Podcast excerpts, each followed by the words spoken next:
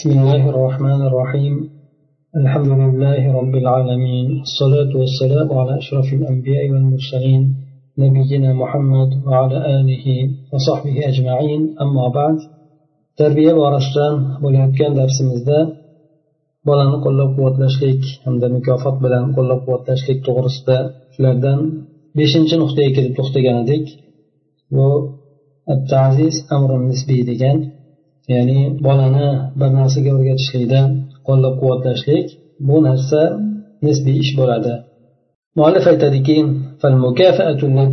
تجذب طفلا طفلا ما قد لا تروق لطفل آخر ولذلك من المهم أن نقدم المكافأة التي يرغب فيها الطفل بذاته وكذلك من المهم التنويع في نوعية المكافأة فالمكافأة المتكررة تفقد جاذبيتها وقيمتها المعنوية لدى الطفل وانتقال المكافأة وتغييرها يتطلب ممارسة وحنكة من المربي ممارسة وحنكة من المربي وقد يكون هناك إخفاء في اختيار المكافأة إلا إنه إلا أنه شرك إلا أنه يجب أن يكون هناك ملاحظة لتصرفات الطفل تجاه المكافأة ومحاولة كشف رغباته ومواهبه وتحقيقها في مكافأته biron bir bolani o'ziga tortadigan mukofot boshqa bir bola uchun unday bo'lmasligi mumkin juda ko'zga yaxshi ko'rinmasligi mumkin shuning uchun bola aynan o'zi qiziqadigan mukofotni taqdim qilishlik bu muhim narsa hisoblanadi shuningdek mukofotni turini ham har xil qilib turishlik bu narsa ham muhimdir. Takror takror berilaveradigan mukofot bu o'zini jozibadorligini yo'qotadi va bolani nazdida ma'naviy qiymatini ham jozibadorligini ham yo'qotadi. Endi mukofotni tanlashlik va uni ya'ni saralab olishlik va uni o'zgartirib turishlik bu narsa tarbiya qiluvchi kimsa tomonidan bo'ladigan tajribadorlik hamda ziyraklik mana shu narsalarni talab etadi. Ba'zan bu yerda mukofotni tanlashlikda e, muvaffaqiyatsizlikka uchrashlik ham bo'lib qoladi. Ya'ni mukofotni tanlashlikda bir omadsizlikka ham uchrab qolinadi. Lekin baribir bu yerda o'sha bolani tasarrufotlarini e'tiborga olib kirishlik bu o'sha mukofotni qarshisida ya'ni mukofotni ro'barasida bolani qanday tasarrufotlari bo'lishi mumkin? Qanday bola o'zini tutishligi mumkin qanday xatti harakat qilishi mumkin? Mana shu narsalarni mulohaza qilib turishlik e'tibor berib turishlik kerak bo'ladi. Va yana shuningdek bolani rag'batlarini qiziqishlarini hamda bolani qobiliyatlarini kashf etishlikka bo'lgan harakat. Hamda o'sha qobiliyatlarni rag'batlarni mukofotda o'sha amalga oshirishlik. Mana shu narsalarga e'tibor qaratishlik lozim bo'ladi deydi. Demak bu yerda xulosasida aytib o'tilyaptiki mukofot beriladigan ekan bolaga toki uni bir narsada qiziqtirishlik uchun yana ham davom ettirishligi uchun mukofotni tayin qilinar ekan. Albatta bu mukofot bolani o'zini tabiatiga qarab turib yoki bo'lmasa bolani o'zini istagiga qarab turib mana shu narsa mukofotni demak tanlanishligi kerak bo'lar ekan. Doim ham bir xil mukofotni qilmaslik kerak deydi. Demak almashtirib turishlik kerak ekan turini o'zgartirib turishlik kerak ekan. Aks holda boladagi bo'lgan o'sha mukofotni jozibadorligini yo'qotib qo'yadi deydi.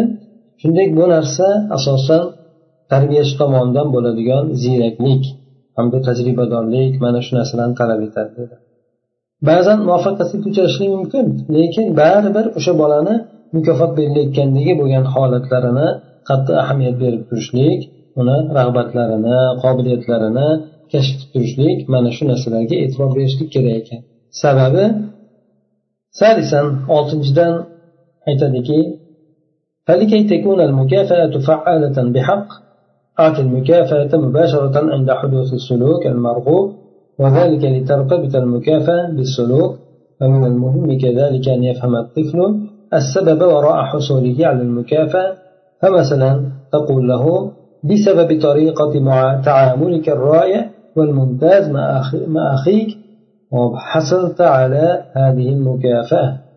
فاستخدام المكافأة بطريقة صحيحة ومعتدلة يمكن أن تقود الطفل بعد توفيق الله عز وجل إلى الاتجاه الصحيح. وإذا لم يكن بالإمكان مكافأة الطفل مباشرة فيمكن استخدام المعزز المشروط وذلك باستخدام الجدول ووضع علامات والنجمات فعندما يحرز الطفل على قدر معين من العلامات أو النجوم لسلوكيات معينة فإنه يحصل على المكافأة فالعلامات هي المعزز المشروط mukofot beriladigan bolaga mukofot bu haqiqatdan bir faol bo'lishi kerak ta'sirli mukofotni aynan o'sha bolada qiziqtirilayotgan xatti harakat e, amalga oshgan paytida ro'yobga chiqqan paytidagina bering deydi.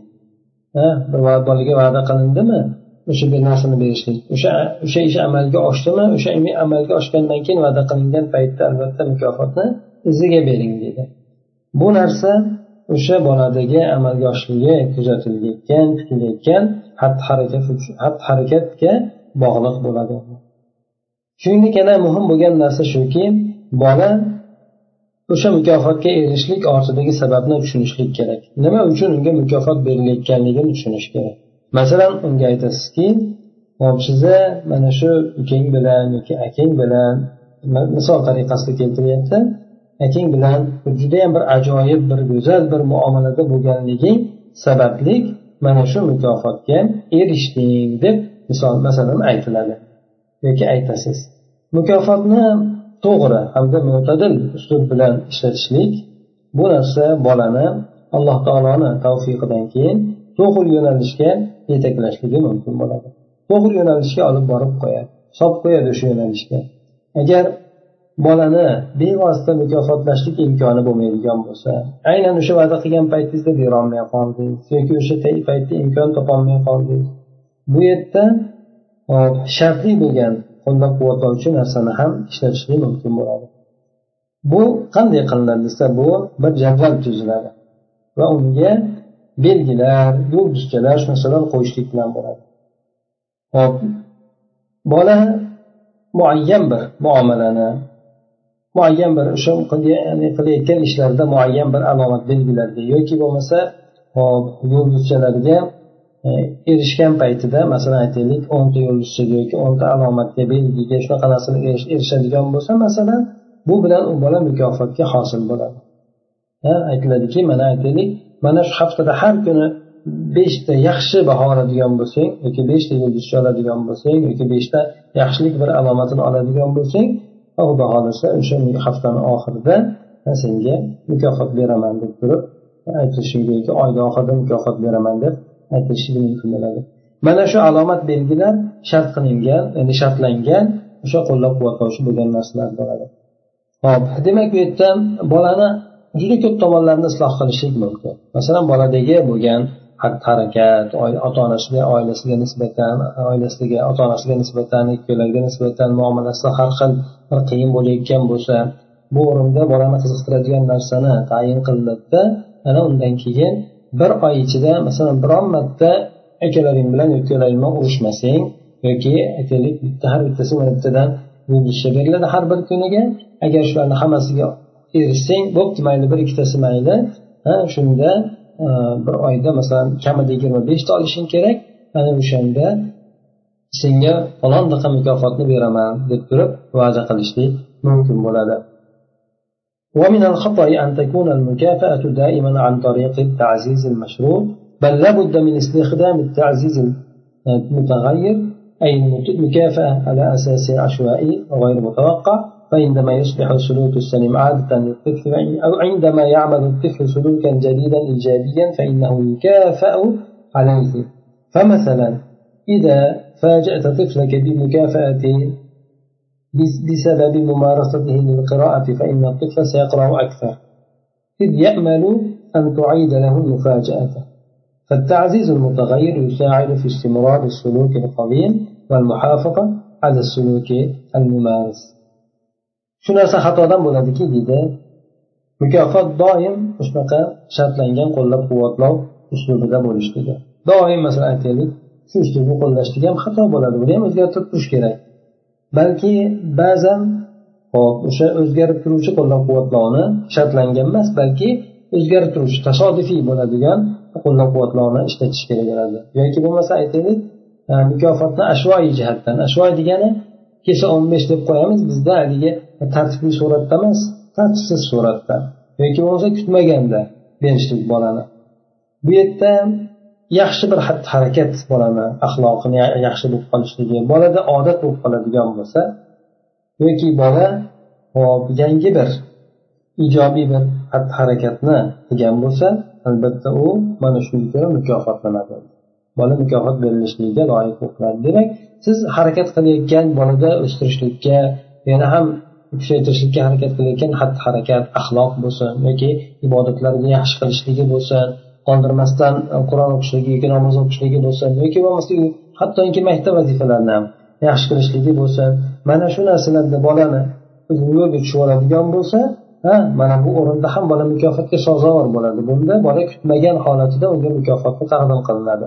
Yoki bo'lmasa bolada yangi bir ijobiy xatti harakat paydo bo'lib bola o'zi ixtiyor tomonidan o'zi o'zini ixtiyoriy tomonidan o'sha amalni qilishlikka harakat qildi. Mana bu yerda ham bola mukofotga sazovor bo'ladi unda ham kutmagan tomondan bolaga yaxshi bo'libdi deb o'sha sababini aytib turib mukofotni beriladi. Albatta bunday qilishligi u bolada demak o'sha yangitdan bir narsalarni yangi bir yaxshi bo'lgan narsalarni yana ham yo'lga qo'yishligiga hamda o'sha yo'lga qo'ygan narsalarda bardavom bo'lishligiga sabab bo'ladi. Aytadiki mana shunday qilinadigan bo'lsa agar bolaga siz bolangizga o'qiyotganligi doim o'qiyotganligi sababli bir mukofot bilan tasodif beradigan bo'lsangiz unga bir mukofotni to'satdan beradigan bo'lsangiz bunda bola ko'proq o'qishni boshlaydi. Chunki u siz yana o'shanga to'satdan mukofot berishligingizni umid qilib qoladi.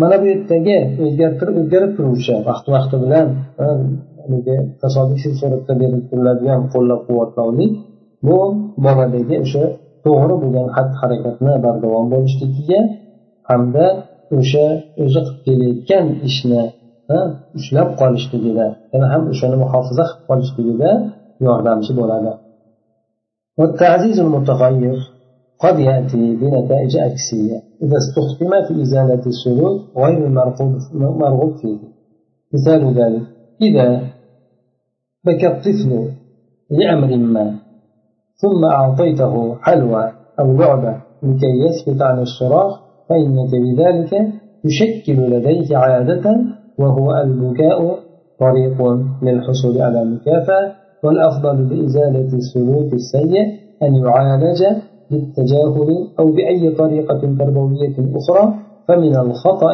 استخدام المكافأة لجعل الطفل ينساع للأوامر وإنما يجب أن تستخدم المكافأة لتتحكم في السلوك وتوجهه tasodifiy suratda bo'ladigan qo'llab quvvatlov bu narsa ba'zan aks natijani berishi mumkin agar u bolada noxush bo'lgan boladagi noloyiq bo'lgan yoki yaxshi bo'lmagan harakat harakatni ketkazishlikda ishlatiladigan bo'lsa bolada bir narsani o'stirishlikka yoki bo'lmasa o'sha narsani davom ettirishlikka emas balki boladagi bo'lgan noxush xatti harakatni yo'qotishlikda ishlatiladigan bo'lsa bunda aks ta'sirini ham berib qolishligi mumkin.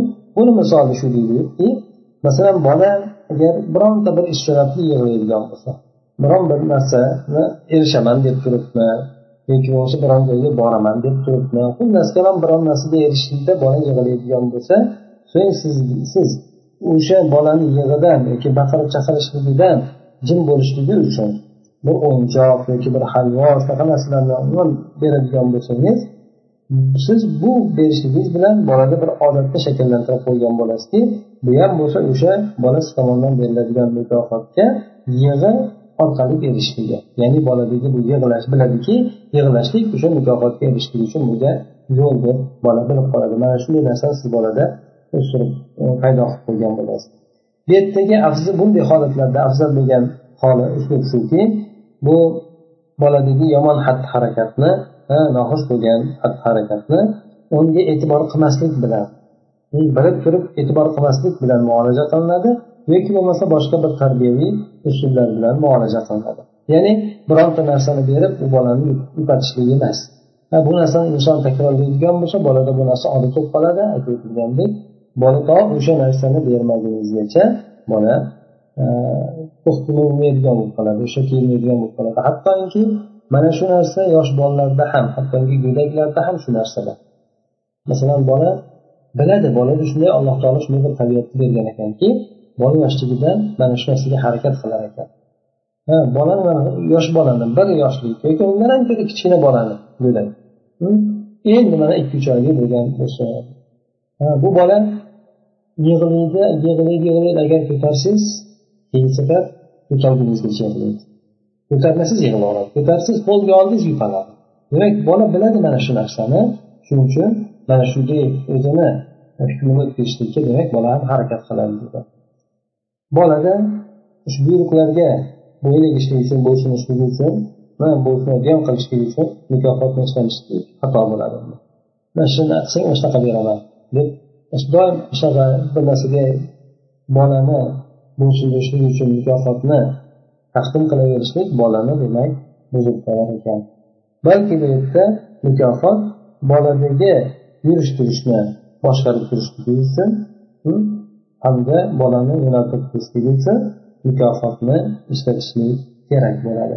Demak mukofot u boladagi harakatni davom ettirishlik uchun xatti harakat paydo bo'lsa o'sha narsani yana ham kuchaytirishlik uchun shu narsa uchun berilar ekan hamda bolani xatti harakatini boshqarib turishlik uchun berilar ekan.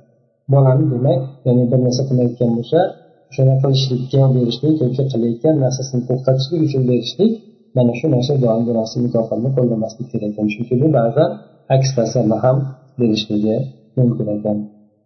Endi undan keyingisi demak bundan oldingisi qissa bilan tarbiya qilishlik bo'lgan e, mukofot bilan tarbiya qilishlik bo'lgan bo'lsa endi qissa bilan tarbiya qilishlik.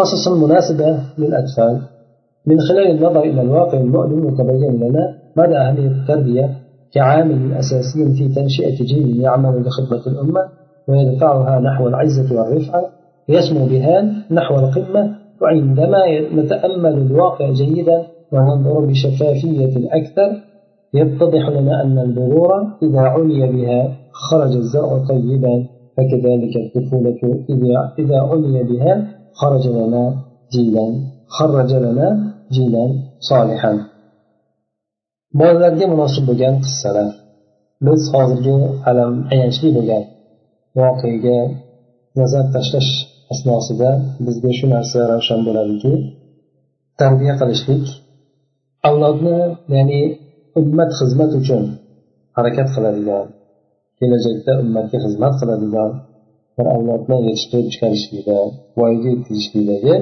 asosiy bir omil kabi muhim narsa ekan.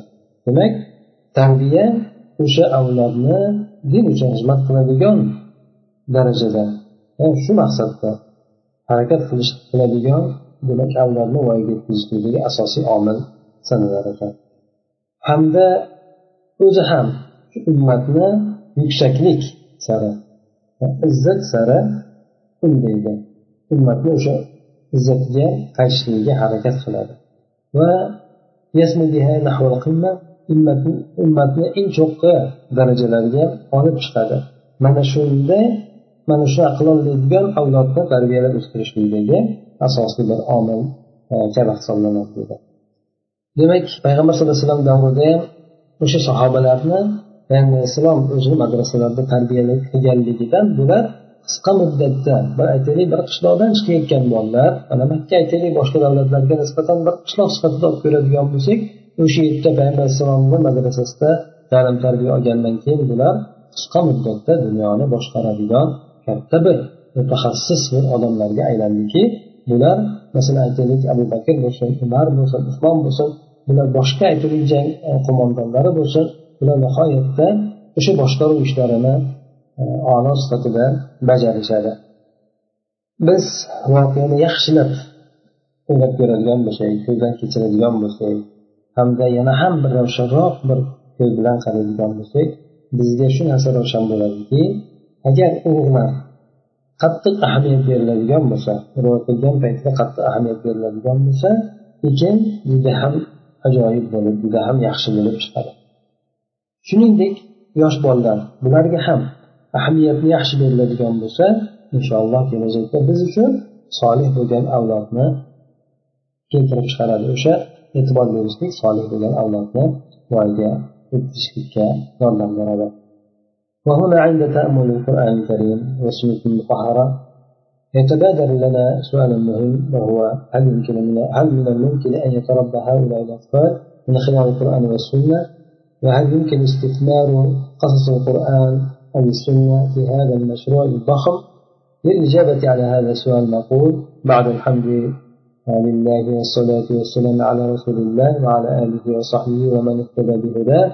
فلا شك أن القرآن الكريم والسنة المطهرة كفيلان بأن يكون أداة عظيمة في تربية الجيل وإرشاده نحو كل جيل جليل وهذا من المسلمات عند كل مسلم حيث يقول الله تبارك وتعالى ذلك الكتاب لا ريب فيه هدى للمتقين. bu yerda qur'oni karimni hamda pok bo'lgan sahiy bo'lgan sunnatni ko'zdan kechirib o'tishlik asnosida tafakkur qilishlik asnosida biz uchun muhim bir savol kelib chiqadi. Bu savol shundan iboratki mana bu yoshlar qur'on hamda sunnat asnosida tarbiya olishliklari mumkin bo'ladimi?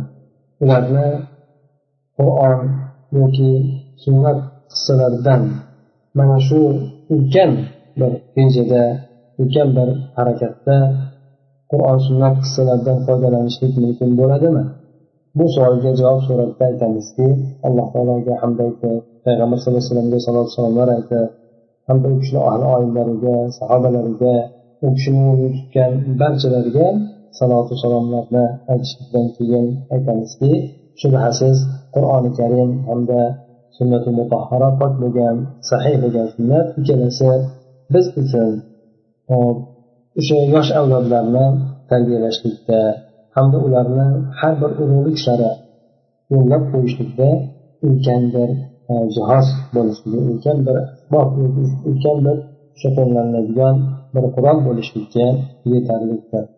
Mana bu narsa har bir musulmon odamni nazdida taslim bo'lingan narsalardan sanaladiki bu o'rinda alloh taboraka va taolo aytadiki qur'oni karim borasida bu kitob hech qanaqangi bir shubhasi yo'q bo'lgan kitobdir.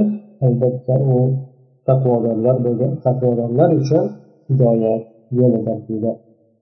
Demak taqvodorlarni yetishtirib chiqarishlik uchun ularni yo'llab qo'yishlik uchun ularni oqibatini samarali bo'lishligi uchun oxiratda samarali bo'lishligi uchun mana bu qur'oni karim shubhasiz hidoyat yo'llovchi bo'lgan e, dasturdir deb aytadi ففي ظل البيئة السيئة التي ولدها التأثير بالغرب وسيطرت وسائله الإعلامية المختلفة على بيوت المسلمين إملاك الوالدين في الأعمال المختلفة كاضطرار بعض الأسر لخروج الأم للعمل وقد يعمل الأب عملا إضافيا أصبح الآباء بعيدين بعيدون عن تربية أبنائهم وإذا جلسوا معهم إما أن يكونوا معترين مزاج فلا يجد الأولاد سوى الصراخ والعويل دون كلمة حامية أو بسمة رفيقة أو مباعدة رفيقة. ويظن الأب أو الأم أن التوبيخ والنهر هو الطريقة المثلى للتربية بل قد يكون أصلا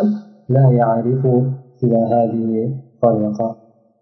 غرب bilan ta'sirlanishlik keltirib chiqargan hamda musulmon oilalariga turli xabar bildiruv vositalari o'sha g'arbni xabar bildiruv vositalarini hukmron bo'lishligi hukmron bo'lgan mana bunday yomon bir muhitda.